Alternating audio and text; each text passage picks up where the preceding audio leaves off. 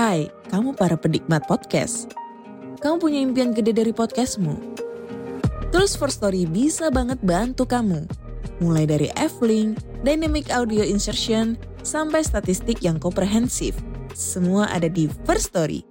Gak ketinggalan kamu bisa monetisasi podcastmu lewat iklan dari First Story Ads yang bisa kasih kamu penghasilan dari setiap place podcastmu. Yuk gabung sekarang dengan klik di firststory.me. Sekali lagi, klik di firststory.me. Mari kita bawa mimpi podcastingmu menjadi kenyataan.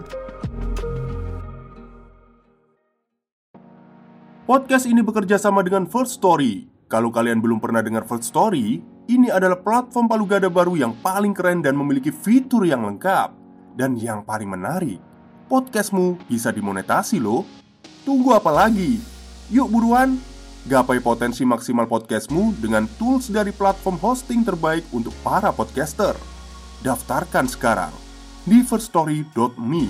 Dijamin gratis.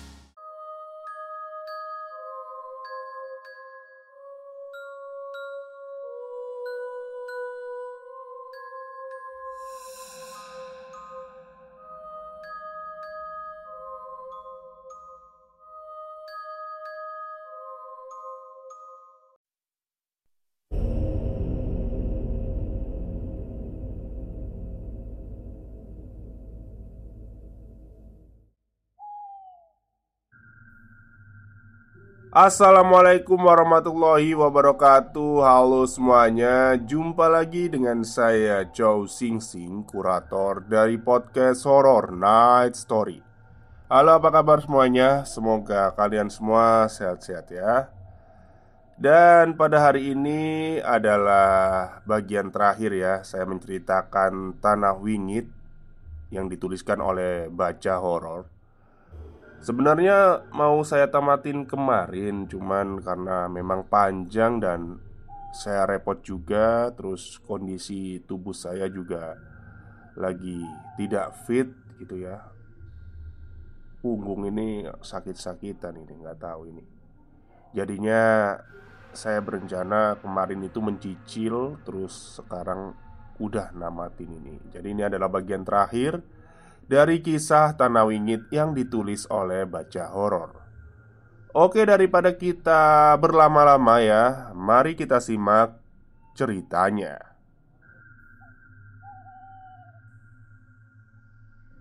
Tanah Wingit tidak menjadi semengerikan itu begitu saja.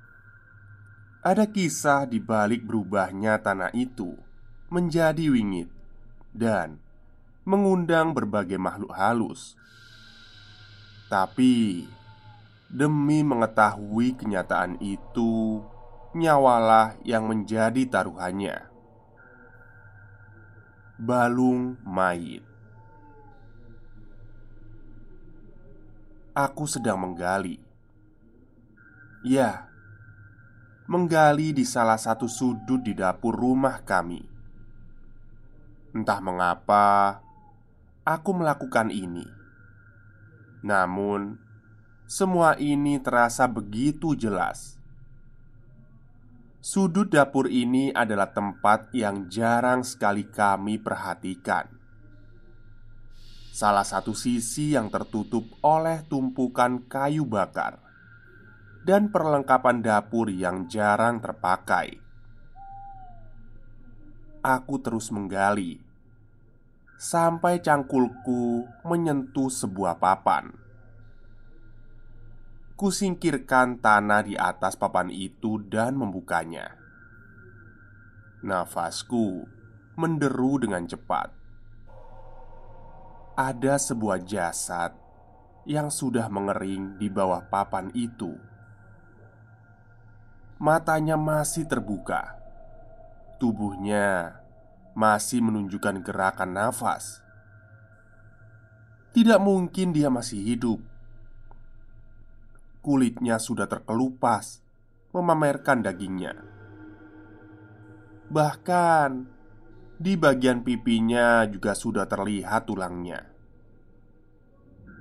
Tapi memang benar, mayat itu bernafas dan dia menatap ke arahku.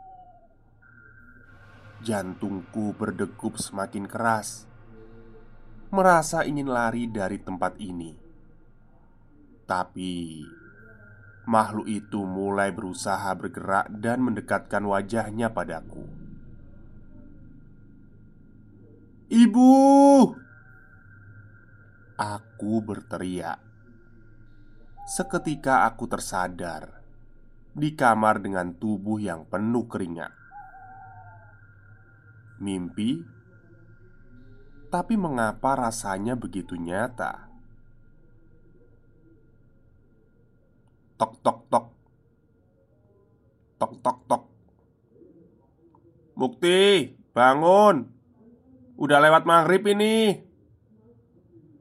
Terdengar suara ibu mengetuk pintu membangunkanku. Ia membuka pintu dan memastikan aku sudah terbangun. "Mandi dulu sana, masih ada air kok," perintah ibuku. "Iya, Bu, sebentar." Aku masih mencoba mengatur nafasku yang masih merasa takut dengan mimpi tadi. Semoga saja mimpi itu bukan pertanda buruk. Aku pun mengambil handuk dan menuju kamar mandi di belakang rumah. Langit sudah gelap, dan perasaanku masih tidak enak. Aku pun memutuskan untuk mandi dengan cepat. Dengan sisa air yang sedikit, Aku menyiram tubuhku dan membersihkan badanku. Entah mengapa aku merasa air yang kusiramkan begitu dingin. Aku pun menggigil, tidak seperti biasanya. Padahal aku juga cukup sering mandi di jam seperti ini.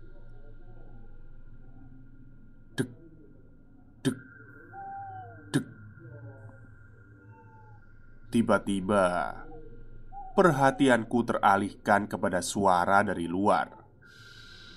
Suaranya seperti suara dinding kayu yang dipukul-pukul.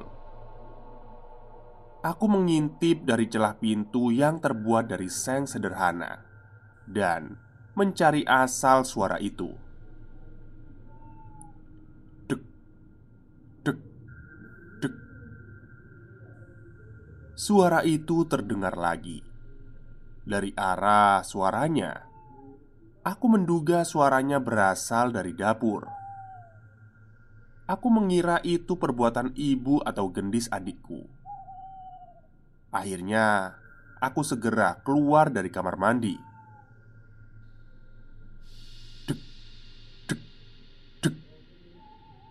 Tiba-tiba, suara itu terdengar lebih keras dan lebih cepat. Kali ini aku mulai merasa aneh. Aku pun kembali mengintip ke arah dapur, dan kali ini aku melihat asal suara itu. Pocong, pocong itu melompat, menabrakkan dirinya ke tembok dapur, bahkan membentur-benturkan kepalanya. Ia berusaha untuk masuk, namun ada sesuatu yang menghalanginya. Aku menelan ludah melihat pemandangan mengerikan itu. Sialnya, seolah mengetahui ada yang mengawasinya. Makhluk itu pun menoleh kepadaku dan menatapku dengan wajahnya yang sudah membusuk. Aku pun mundur dari lubang pintu dengan rasa takut yang mulai menyelimuti tubuhku. Dari jauh, aku mencoba mengawasi lubang pintu itu lagi, berharap makhluk itu tidak menyadariku.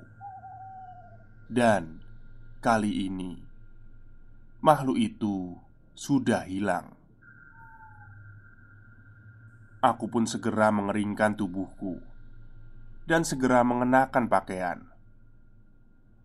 Tapi saat itu samar-samar aku mencium ada bau amis dari arah belakang. Aku tidak berani menoleh. Seolah ada sosok yang begitu dekat berada di belakangku. Saat itu, tidak ada lagi yang kupikirkan selain membuka pintu kamar mandi dan berlari secepat mungkin ke dalam rumah. "Kenapa, Le? Kok ngos-ngosan gitu?" tanya ibuku. Aku hanya menggeleng dan buru-buru masuk ke kamar. Aku ingin bercerita, tapi ada gendis di sana. Aku tidak ingin membuatnya takut. Setelah tenang, aku baru tersadar bahwa sisi tembok yang didatangi oleh pocong itu sebaliknya adalah sudut yang ada di mimpiku, di mana di mimpiku aku menemukan jasad mengerikan itu di sana. Dan benar, mimpi itu muncul berkali-kali di dalam tidurku. Suatu siang, aku menghampiri ibu di dapur. Ia tengah sibuk menyalakan kompor untuk memasak. Aku yang penasaran mencoba mencari-cari sesuatu di sudut yang ada di mimpiku itu. Nyari apa, Le? Tanya ibu Eh, enggak bu. Itu Aku bingung menjawabnya. Tapi aku tetap terus mencari di tempat yang jarang kami utak-atik. Tak butuh waktu lama. Aku menemukan lembaran pohon pisang Yang di atasnya terdapat kembang sesajen Dan ada beberapa rempah bekas dibakar. Dan juga segenggam pasir. Dari kondisinya, benda ini sepertinya masih belum terlalu lama di sini. "Ibu masang sesajen di sini?" tanyaku. Mendengar ucapanku, ibu yang sedang sibuk segera meletakkan kayu bakarnya dan menoleh ke arahku. "Sesajen? Ibu gak pernah masang sesajen?" Balas ibuku Coba lihat deh bu Ucapku. Ibu pun menghampiriku.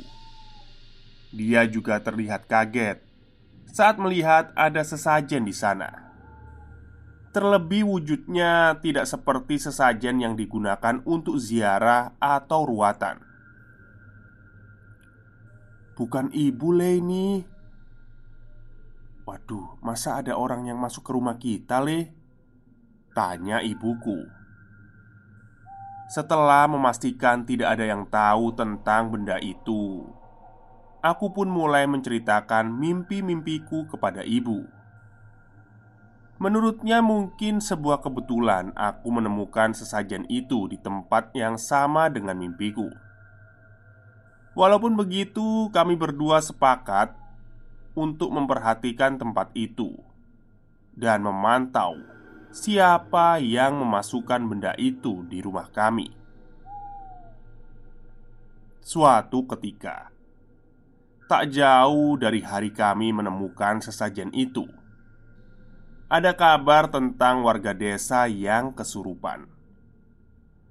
Kami tidak sempat melihatnya, tapi saat aku dan ibu menanyakan kejadian itu, Warga sempat menatap kami dengan aneh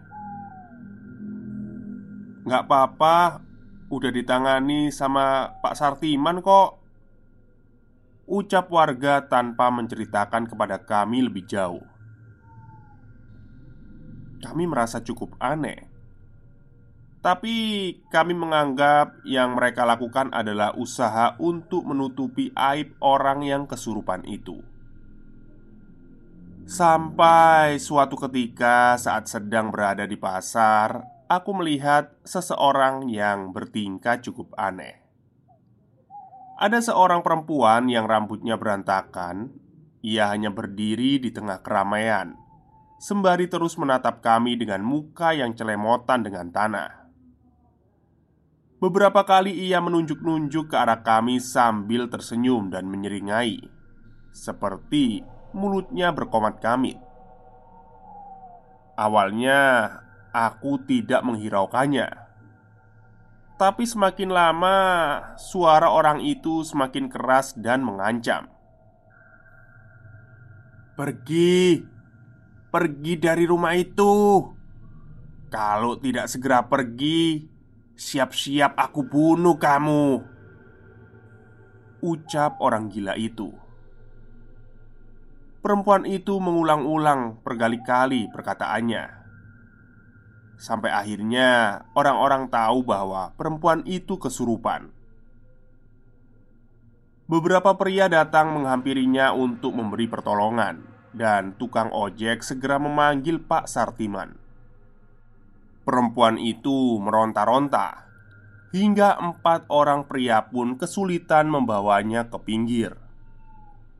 Aku dan ibu penasaran dengan apa yang ia lakukan, dan kami terus mengawasi. Pergi kamu. Tanah itu bukan tempatmu.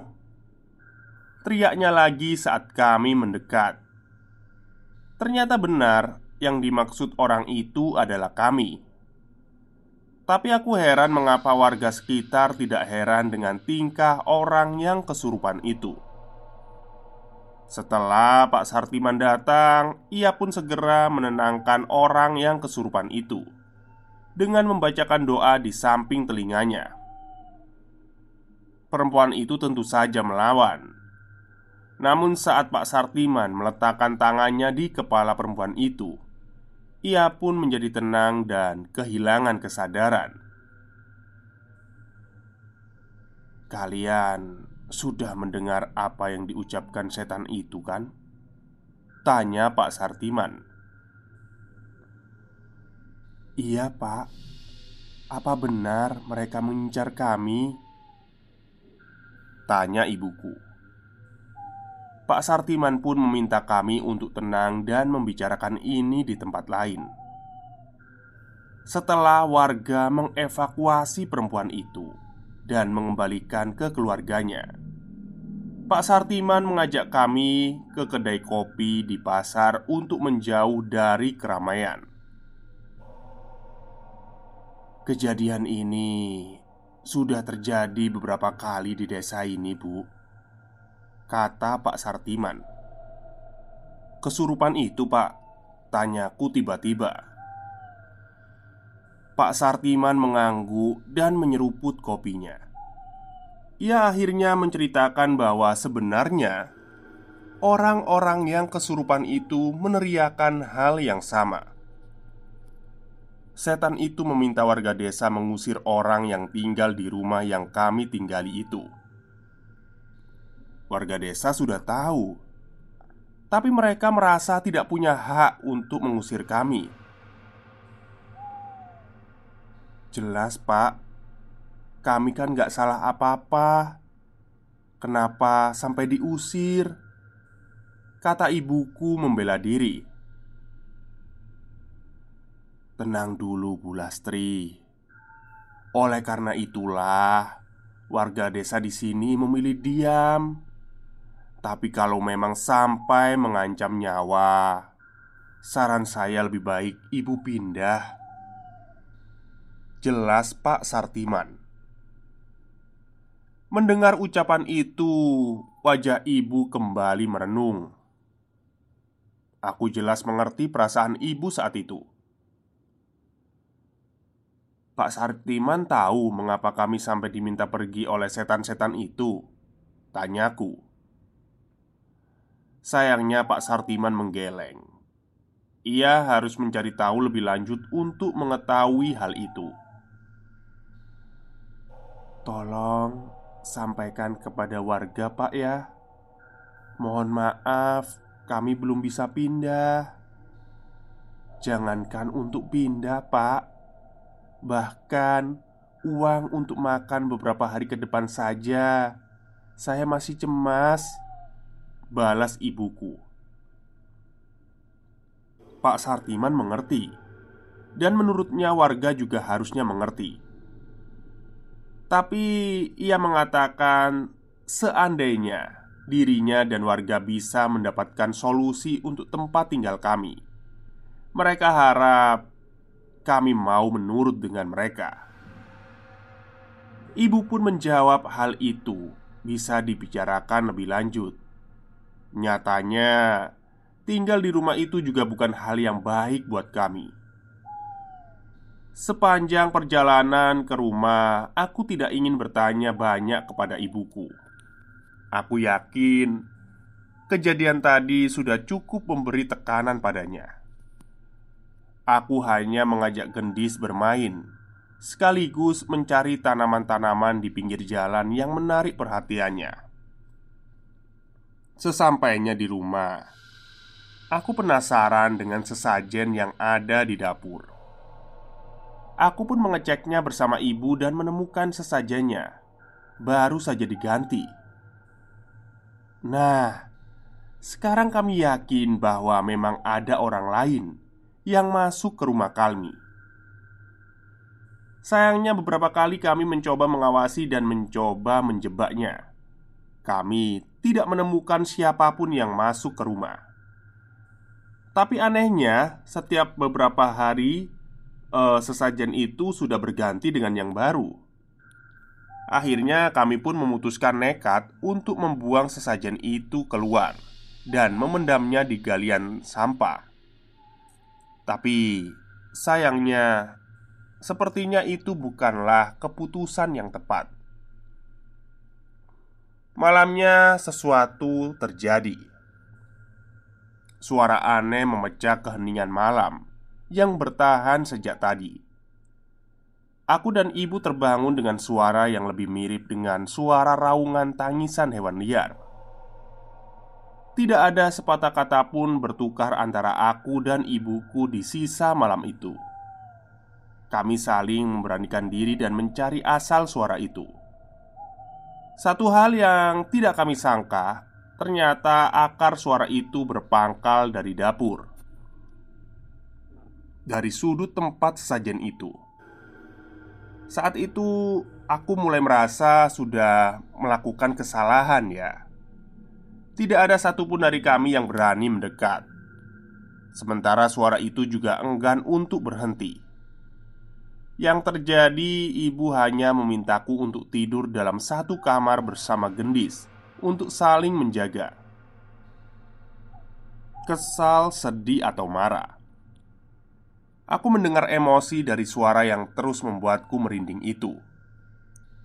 Sulit untukku memejamkan mata Hingga malam bertemu batasnya Dan ayam mulai berkokok menyambutnya Barulah suara itu menghilang Dan aku mampu untuk tidur Walau kejadian semalam membuat aku dan ibu takut, tapi siang harinya kami sudah melupakannya begitu saja. Saat ini, kami memang sering merasakan dan melihat hal-hal aneh, walau hanya sekelebat. Jadi, kejadian semalam hanya kami anggap sebagai salah satu kejadian serupa saja. Tapi, malam setelahnya terjadi hal yang tidak kami sangka. Saat itu, kami sudah sampai di tidur lelap kami. Menjelang tengah malam, tidurku mulai terganggu dengan suara-suara dari berbagai sisi rumah. Aku semakin curiga dengan bayang-bayang yang melintas dari balik jendela. Aku ingin menyalakan lampu, tapi aku ragu dan memilih untuk menghampiri ibu dan gendis di kamarnya. Tapi tanpa kusangka, ibu sudah memeluk gendis di bawah kasur, sembari memberi isyarat kepadaku agar tidak berisik. Aku pun menghampiri ibu dan duduk di bawah bersama dengan ibu. Aku tahu ia bersembunyi dari sesuatu. Orang-orang itu benar-benar mau mencari masalah. Matiin aja.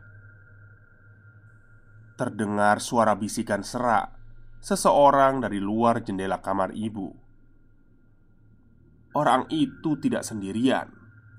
Ada beberapa langkah kaki yang mengelilingi tempat ini bersamanya. Wis tak kirim pocongan Demit alas Tapi Orangnya nggak pergi-pergi Bisa gawat kalau balung mayit ini sampai kenapa-kenapa. Pocong, demit alas, balung mayit. Siapa mereka ini? Dukun. Aku semakin penasaran dan mencoba mengintip dari sela jendela. Ternyata ada tiga orang Dua orang pria berpakaian hitam dengan ikat kepala. Yang satu wajahnya terlihat sudah berkeriput dengan matanya yang bengis dan ada sebuah golok di tangannya. Seolah-olah sudah bersiap untuk membunuh orang. Seorang lagi lebih tinggi, bongsor berambut panjang. Namun wajahnya juga sudah berkeriput.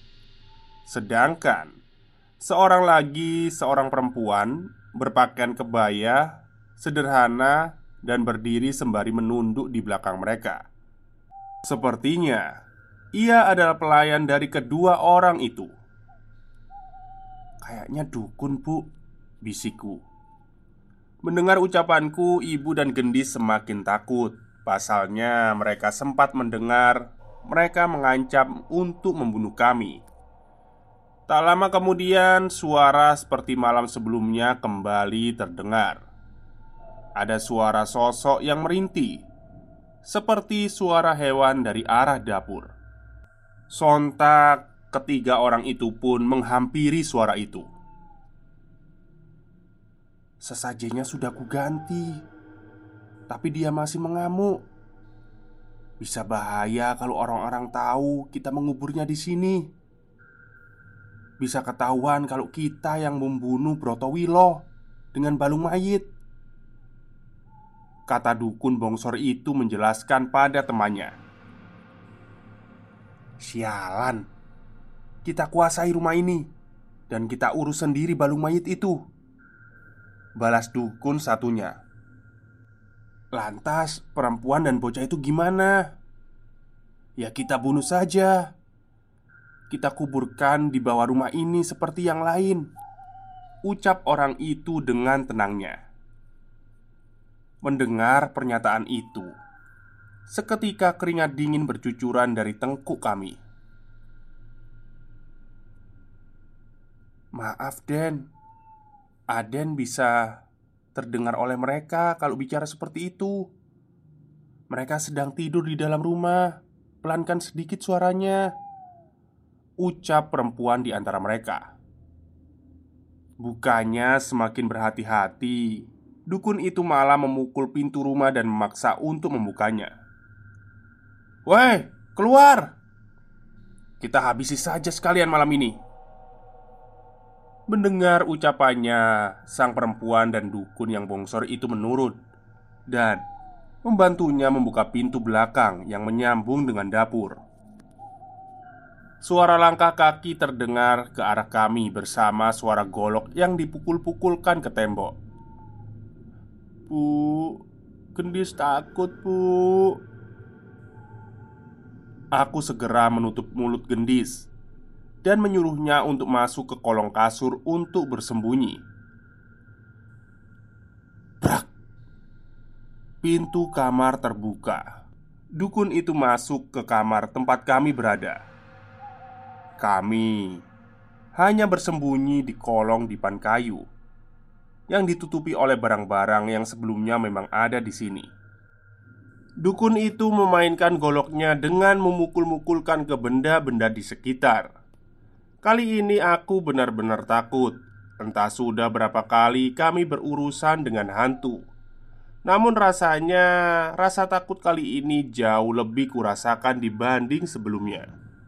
Di sini nyawa kami bisa terancam. Aku melihat dukun itu melangkah mendekat ke arah kasur. Ia menyabetkan goloknya di kasur dan memeriksanya. Kakinya benar-benar dekat dengan kami, hanya terpisahkan kardus barang-barang yang kami gunakan untuk menutupi tubuh kami. Shh, ada di luar. Tanya temannya dari luar. Gak ada, Mungkin di kamar lainnya Atau di ruang depan Ucapnya sembari melangkahkan kakinya keluar Kami berdua menahan suara kami sekuat tenaga agar tidak menimbulkan suara. Akhirnya, dukun itu pun melangkah menjauh dari kami. Ia melangkah menuju pintu kamar dengan perlahan. Tapi saat itu, hampir saja aku berteriak. Aku melihat kaki dukun itu dari bawah kasur. Kaki itu melangkah meninggalkan kamar. Tapi tak jauh dari langkahnya, aku melihat sosok kain kafan lusuh terikat dengan melayang mengikutinya. Ternyata dukun itu diikuti oleh sesosok pocong. Aku hanya bisa sekuat tenaga menahan diri hingga ia keluar tapi aku sadar, lambat laun mereka pasti akan segera menemukan kami bila kami terus bersembunyi dari sini. Bu, kita harus keluar dari sini. Kita kabur lewat jendela, terus ke hutan. Bisikku pada ibu. Gendis menggeleng. Ia benar-benar takut. Tapi aku tidak memikirkan kemungkinan lain dan mulai membuka jendela dengan perlahan saat langkah kaki itu menjauh dari kamar. Setelah keluar dari jendela, aku memastikan ibu untuk segera ke rumah Pak Ngadimin. Tapi aku tidak pergi bersama mereka. Aku kembali ke rumah itu dan melihat dukun-dukun itu mengubur beberapa barang di tanah pekarangan rumah kami. Lalu aku teringat akan mimpiku. Aku pun menuju ke dapur.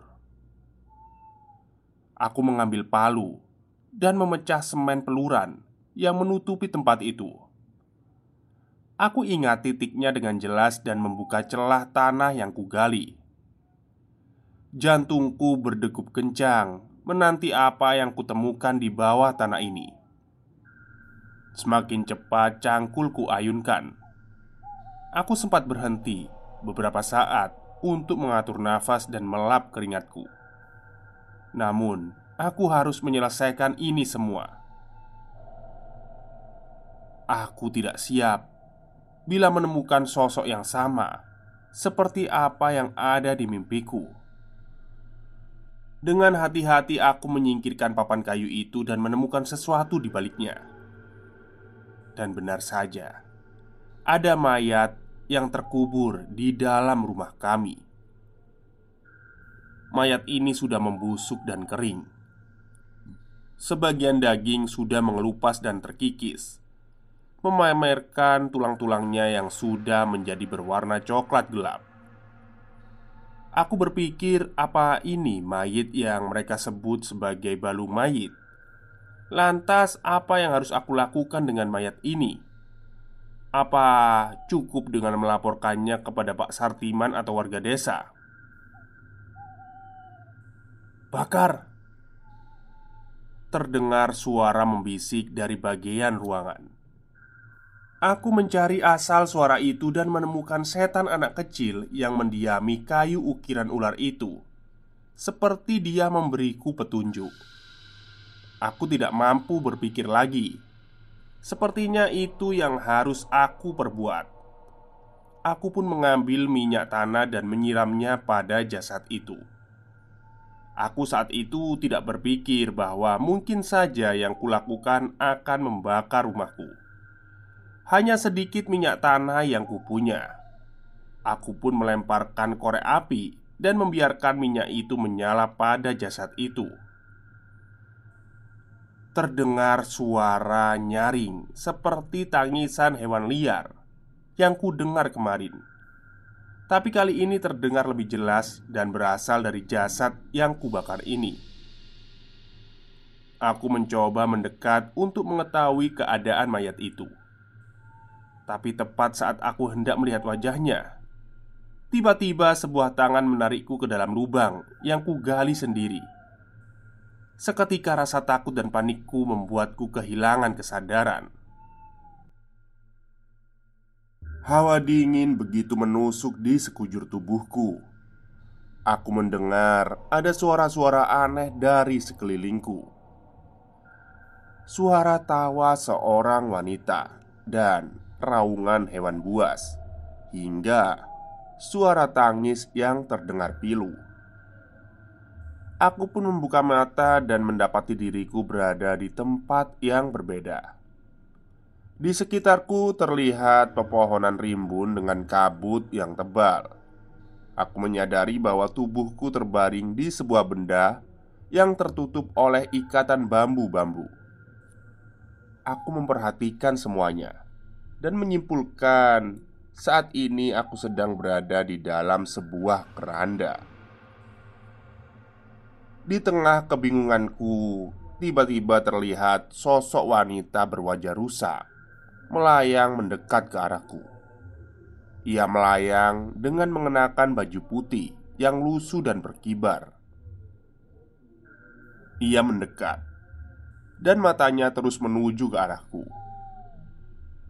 Aku ingin lari dari keranda ini, namun di sisi lain ternyata di sebelahku sudah ada sosok pocong yang sejak tadi memantauku. "Bu, tolong, Bu," kataku mencari pertolongan. Sayangnya, tidak ada tanda-tanda manusia lain di hutan ini. Tangan kuntilanak itu meraba keranda dan mencoba menggapaiku. Namun, hanya jari-jari pucatnya yang bisa masuk dan mencoba menyentuhku. Pergi, pergi. Aku menangis sejadi-jadinya meratapi kejadian ini. Namun, bukannya pergi, semakin lama malah semakin banyak makhluk yang berkumpul di sekitarku. Saat melihat ke atas, seorang kakek dengan satu kaki tengah menatapku dari atas pohon dengan sebelah matanya yang bolong.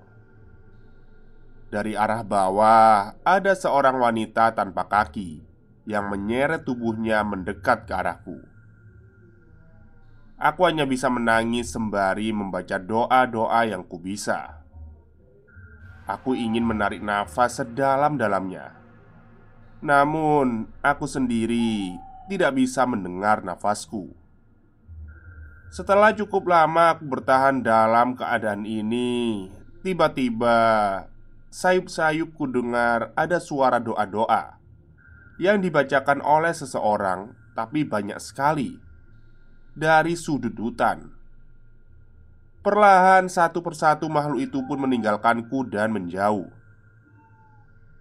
Aku pun memastikan bahwa tidak ada makhluk-makhluk itu lagi di dekatku, dan aku berpikir untuk memaksa keluar dari keranda ini.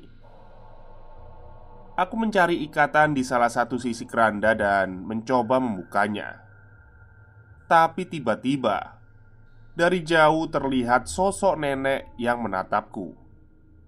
Itu adalah nenek berambut putih yang pernah kulihat di rumahnya. Ia hanya menatapku dan menggeleng seolah memberi isyarat. Apa artinya aku tidak boleh keluar dari keranda ini? Bagai menanti hal buruk terjadi Aku memilih tetap berada di keranda ini tanpa mengetahui apa yang akan terjadi Sementara itu suara doa-doa yang dibacakan tadi mulai hilang dan kabut semakin menebal Dan sekali lagi muncul sosok-sosok mengerikan yang mendekat ke arahku Kali ini ada sosok yang jauh lebih mengerikan Sosok hitam besar keluar dari dalam kabut. Aku sekilas mengenal sosoknya. Sosok itu seperti yang pernah aku lihat di halaman rumah. Ia menatapku dari ketinggian yang penuh amarah. Suaranya menderu meneteskan liur hitamnya yang jatuh di keranda. Aku yakin makhluk ini sedang marah. Semakin ia mengeram, semakin makhluk ini tidak berani mendekat. Jelas, makhluk ini begitu berbahaya. Aku tidak bisa berbuat apa pun selain berdoa dan memasrahkan diriku kepada Tuhan atas apa yang akan terjadi. Hingga sebelum sempat makhluk ini melakukan apa pun, aku mendengar suara ayat-ayat suci dari suara yang kukenal. Aku mencoba mengikutinya sembari menutup mata dan menyerahkan diri sepenuhnya kepada Sang Pencipta. Mukti. Mukti. Tangannya mulai gerak pak. Aku mendengar teriakan ibu tak jauh dari telingaku. Dengan segera aku memaksa membuka mataku dan mendapati diriku tengah berada di sebuah ruangan Dengan dikelilingi banyak orang. Pak Sartiman terlihat bernafas lega saat mengetahui aku telah mendapati kesadaranku. "Ini di mana, Bu?" tanyaku. "Ini di balai desa, Nak. Kamu sudah dua hari nggak sadar," jawab ibuku. Dua hari? Aku tidak merasa selama itu. Seingatku, aku hanya beberapa jam setelah kejadian itu Aku berusaha mengingat apa yang aku lakukan sebelum kehilangan kesadaran. Bu, ada mayat, Bu.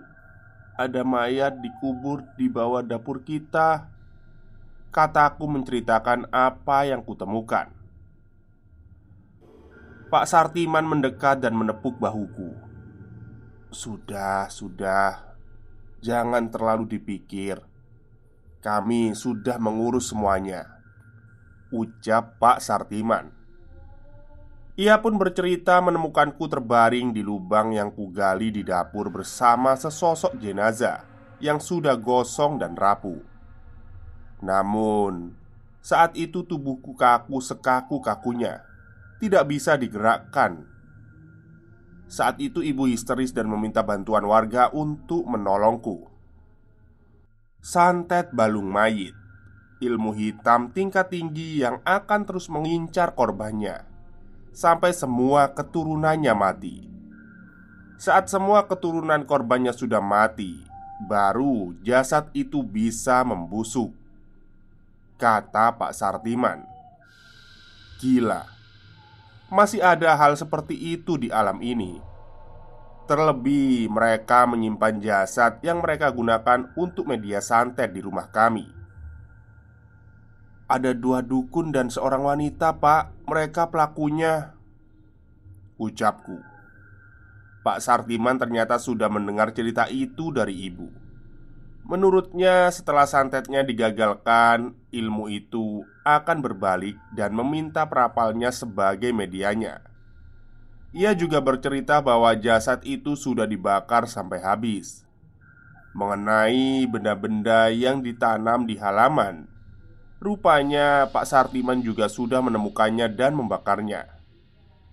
Jadi, yang membuat warga desa kesurupan itu adalah ulah dukun itu, setan kiriman.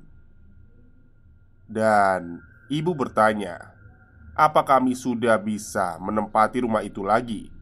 Dan apa mungkin akan ada yang mengincar kami setelah kejadian ini? Pak Sartiman menjawab bahwa dibakarnya balung mayit seharusnya membuat dukun-dukun itu menerima imbasnya. Dari penjelasan Pak Sartiman, sepertinya ia sudah memvalidasi hal itu. Namun, ia tidak ingin memberitahu caranya. Setidaknya, ia ingin agar kami bisa tenang. Mas Mukti, Mas Mukti tidurnya lama banget. Gendis jadi takut. Tanya Gendis. Aku mengingat apa yang terjadi saat tidak tersadar dan menceritakannya pada Pak Sartiman. Mengenai aku yang berada di dalam keranda di dalam hutan Dan mengenai sosok-sosok yang mengincarku. Hingga sosok nenek-nenek yang memberiku isyarat Pak Sartiman mengatakan bahwa aku beruntung. Menurutnya, bila aku sampai keluar dari keranda itu, mungkin saja nyawaku tidak selamat. Apa itu berarti nenek itu mencoba untuk menolongku? Setelah kejadian itu, Pak Kades dan warga mengizinkan kami untuk tidur di balai desa hingga rumah kami selesai dirapikan. Selama tinggal di sana, kami mendapat sekali banyak cerita tentang rumah kami. Ada yang bercerita bahwa rumah itu adalah saksi hidup dari perseteruan dua keluarga kakak beradik yang berakhir saling membunuh. Dan semua jasadnya dikubur di tanah itu. Belum lagi ada cerita bahwa tanah itu adalah tempat pemujaan sekte sesat yang pada waktu-waktu tertentu sering mengantarkan tumbal manusia di tanah itu. Sudah banyak generasi yang tinggal di desa ini dan tanah itu selalu punya cerita mengenaskan di setiap generasinya. Banyak jasad yang sudah dikubur di sana, banyak ritual yang sudah terjadi di sana, dan banyak misteri yang masih tersembunyi di sana. Yang pasti, tanah ini sudah sangat tidak layak untuk dihuni oleh manusia. Setelah lulus SMA, aku mendapatkan pekerjaan dari seorang juragan di kota untuk mengantar hasil desa ke kota. Awalnya aku hanya dibayar serabutan, namun seiring berjalannya waktu, aku pun mendapat kepercayaan untuk memegang satu armada mobil bak untuk pekerjaan ini. Aku mendapat gaji bulanan, dan tak jarang petani-petani desa juga sering memberiku tanda terima kasih karena sudah melariskan penjualannya. Padahal aku sudah cukup senang bisa membalas budi kepada warga desa yang sering membantuku mengenai masalah rumahku. Aku sempat bertanya pada bos apakah aku boleh menerima uang dari mereka. Namun menurutnya Selamat bisa memastikan hasil panen tetap memiliki kualitas yang baik. Itu bukanlah masalah. Lagi pula bos pun sadar Gaji yang ia berikan masih jauh dari standar gaji karyawan kota. Oke, sesuai nazarku dulu saat aku mulai bisa mencari uang Yang kuutamakan adalah mencari tempat tinggal untuk pindah dari rumah itu Aku pun mengontrak sebuah rumah sederhana yang tidak begitu jauh dari sekolah gendis. Walaupun kecil, ibu dan gendis merasa nyaman dan betah. Aku pun cukup lega dan akhirnya bisa meninggalkan rumah yang berdiri di tanah wingit itu. Setelah yakin ibu dan gendis nyaman tinggal di kontrakan, aku pun meminta izin pada ibu untuk menghancurkan rumah yang berdiri di tanah wingit itu. Ibu setuju, terlebih aku sudah memiliki cukup tabungan untuk membeli tanah yang suatu saat nanti akan kami bangun rumah kami sendiri. Kisah mengenai tanah wingit berakhir di sini. Kini tanah itu dialihkan sebagai tempat pemakaman. Namun biasanya warga luar desa yang tidak mendapat lahanlah yang dimakamkan di sana. Sedangkan warga desa sendiri masih takut memanfaatkan lahan itu, bahkan untuk memakamkan kerabatnya saja takut. Walaupun begitu, sampai saat ini aku tidak pernah mendengar cerita menyeramkan lagi tentang tanah wingit itu. Entah memang sudah tidak ada, atau memang aku yang sudah tidak pernah mencoba mendekatinya lagi. Akhirnya kisah ini selesai juga. Mohon maaf bila menunggu cukup lama untuk kisah ini ya. Semoga kisahnya bisa diambil positifnya dan dibuang negatifnya. Tamat. Oke, itulah akhir kisah dari Tanah Wingit yang dituliskan oleh Baca Horor. Panjang sekali ya. Jadi kemarin itu saya memang niatnya mau menamatkan cerita ini tapi ternyata ya karena panjang dan kondisi fisik saya juga agak menurun ya. Banyak kerjaan rumah juga gitu. Tapi Alhamdulillah udah tamat hari ini. Oke mungkin itu saja kisah kali ini. Semoga Anda semua suka. Selamat siang dan selamat beristirahat